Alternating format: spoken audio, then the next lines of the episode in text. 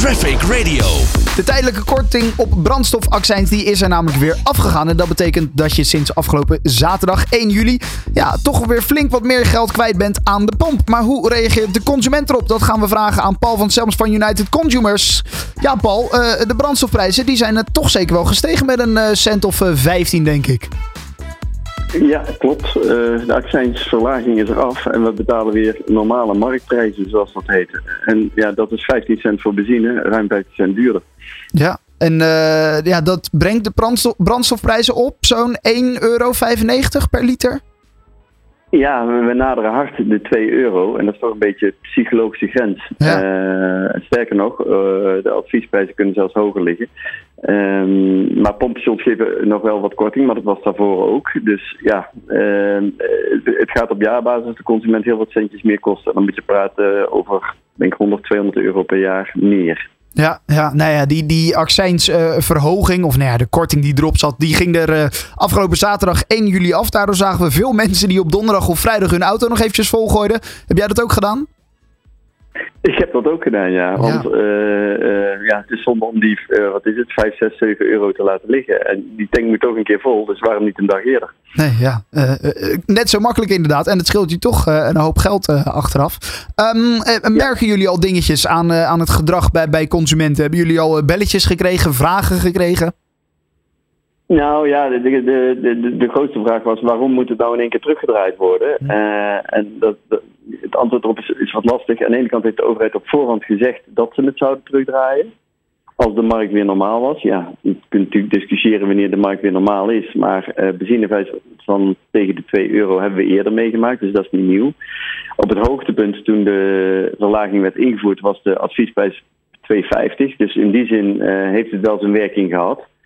Maar de illusie dat brandstof in de toekomst goedkoper wordt, moeten we denk ik niet hebben. En we zullen moeten leven met relatief hoge brandstofprijzen. Aan de andere kant denk ik met de huidige olieprijzen, die best normaal zijn, valt het allemaal nog mee. Dus voor de toekomst uh, kan het echter eerder duurder dan goedkoper worden. Oké, dus we moeten hier met z'n allen toch wel aan gaan wennen. Ja, misschien wel interessant. Wij zijn gisteren eventjes uh, de straat opgegaan en uh, naar een uh, pompstation gelopen. Daar stond de teller voor 1 liter op 1,94 euro. Ja, en we vroegen daar toch eventjes aan de mensen wat ze daar nou precies van vonden. Nee, ik krijg gewoon zuinig. Dus niet te veel. Ik veel op de fiets. Ik heb er één volle tank een maand genoeg. Nee, ik denk dat niemand het doet. Ik heb natuurlijk een lesauto, dus ik zal moeten blijven rijden. Maar uh, in alle prijsverhogingen, verlagingen van de afgelopen jaren... is gebleken dat niemand minder gaat tanken. Nee, dat doe ik niet. Nee hoor. Nee, want ik heb het nodig vanwege mijn werk, dus ik kan niet minder tanken. Ja, dat is een noodzaak voor mij, ja. ja sinds 1 juli zijn de brandstofprijzen heel erg gestegen. Hoe kijkt u ernaar? Uh, niet zo fijn. Ik ga daarom ook elektrisch rijden. Oh, dus u heeft echt een overstap gemaakt? Ja, ik ga helemaal elektrisch rijden. Hij is inmiddels besteld en uh, het is even afwachten wanneer hij komt. Uh, nee, mijn gedrag is niet veranderd. Nee. Nee, het kan niet. Ik moet werken, dus ik moet gewoon uh, iedere dag naar mijn werk, heen en weer. Met de openbare vervoer is het bijna onmogelijk. Wat ik eigenlijk wel ga doen, denk ik, althans dat zit ik eigenlijk wel te denken. Ik ging zaterdag regelmatig even naar de vrienden die wonen niet hier in de buurt. Hè. Amsterdam, uh, Apeldoorn. Even kijken naar Breda, Nijmegen. Hè. Zaterdag en zondag even verzitten, kop koffie drinken, ouwe, weet ik. Nou, dat uh, gaat uh, voorlopig volgens mij niet zo vaak meer gebeuren. Wat merkt u van de gestegen brandstofprijzen?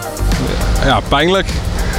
Want het is toch wel weer extra dat, je, dat, je, dat je kwijt bent. Ik kwam net aanrijden en toen zeg ik tegen mijn vriend: Ik zeg, goed, 20 cent duurder.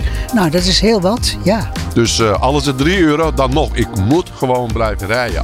Ja, toch wel veel uh, verschillende reacties. De ene die inderdaad zegt, ja, ik ga mijn gedrag aanpassen. Ik heb een elektrische auto gekocht. En de man op het einde die zei, ja, al is het 3 euro per liter, ik heb die auto nodig. Ja, dat klopt. Uh, maar ik denk dat inderdaad de, de, de, de grootste gemene deler is dat die mensen die auto nodig hebben. Je kunt natuurlijk overstappen op elektrisch, maar ook elektriciteit is duurder geworden. En ik denk uh, in de toekomst dat dat per saldo hetzelfde prijs voor elektriciteit per kilometer zal betalen als voor benzine. Hoe, hoe zuur het ook mag klinken. Uh, ik zeg altijd, als morgen de auto's op water zouden kunnen rijden, dan zou die, dat water ook net zo duur zijn als de brandstof. En dat komt omdat twee derde van de brandstofprijs, dus op 2 euro is dat 1,50 gaat naar vadertje staat. En op het moment dat dat wegvalt, zal de staat op een alternatieve brandstof, als dat dan water of elektriciteit is, eh, gaan heffen. Dus dan wordt die brandstof eigenlijk net zo duur. En met elektriciteit hebben we dat ook gezien. De brandstofprijzen stegen niet alleen, maar de elektriciteitsprijzen zijn ook gestegen. Dus ja, als puntje bij paaltje komt, eh, kost mobiliteit gewoon een heleboel geld. En dat zullen we moeten blijven willen betalen eh, als we mobiliteit willen houden. Ja, ja, en het is dus inderdaad niet per se eh, de, de, de, de pomp die er nou zoveel aan verdient. Of de, of de, de prijs van, van het product wat zo erg is gestegen. Maar natuurlijk vooral ook gewoon de, nou ja, de, de belasting die, die de staat erop heeft. Ja, de, de, de, die prijsverhoging van afgelopen zaterdag is puur dat de staat niet meer inkomsten heeft. Een tankstation niks meer. Dus uh, ja, met z'n allen uh, sponsoren we de staatskas en die kan daar uh, uitgaven aan doen. En op zich is dat ook niet verkeerd, want belasting moet gegeven worden. De vraag is alleen, moet je het zoveel op brandstof doen? Of ja. kun je het ook op andere dingen doen? Maar ja. belasting doet altijd pijn. Ja, dat zeker inderdaad. En ja, misschien dat er ooit nog een keer rekeningrijden komt. Er wordt natuurlijk ook veel over gesproken. Dan, dan wordt dat misschien weer deels opgegeven met elkaar. Maar nou ja, dat is allemaal in de toekomst kijken. Um, voor nu is het vooral eventjes wennen aan deze prijzen, hè? Uh, en ik denk dat we nog niet eens mogen klagen. Want als je het allemaal terugrekent, dan valt het gezien de olieprijzen tussen de 70 en de 80 dollar per vat nog mee.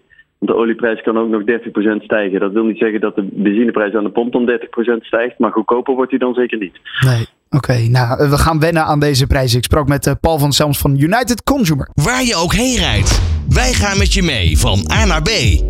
Traffic Radio, always on the road.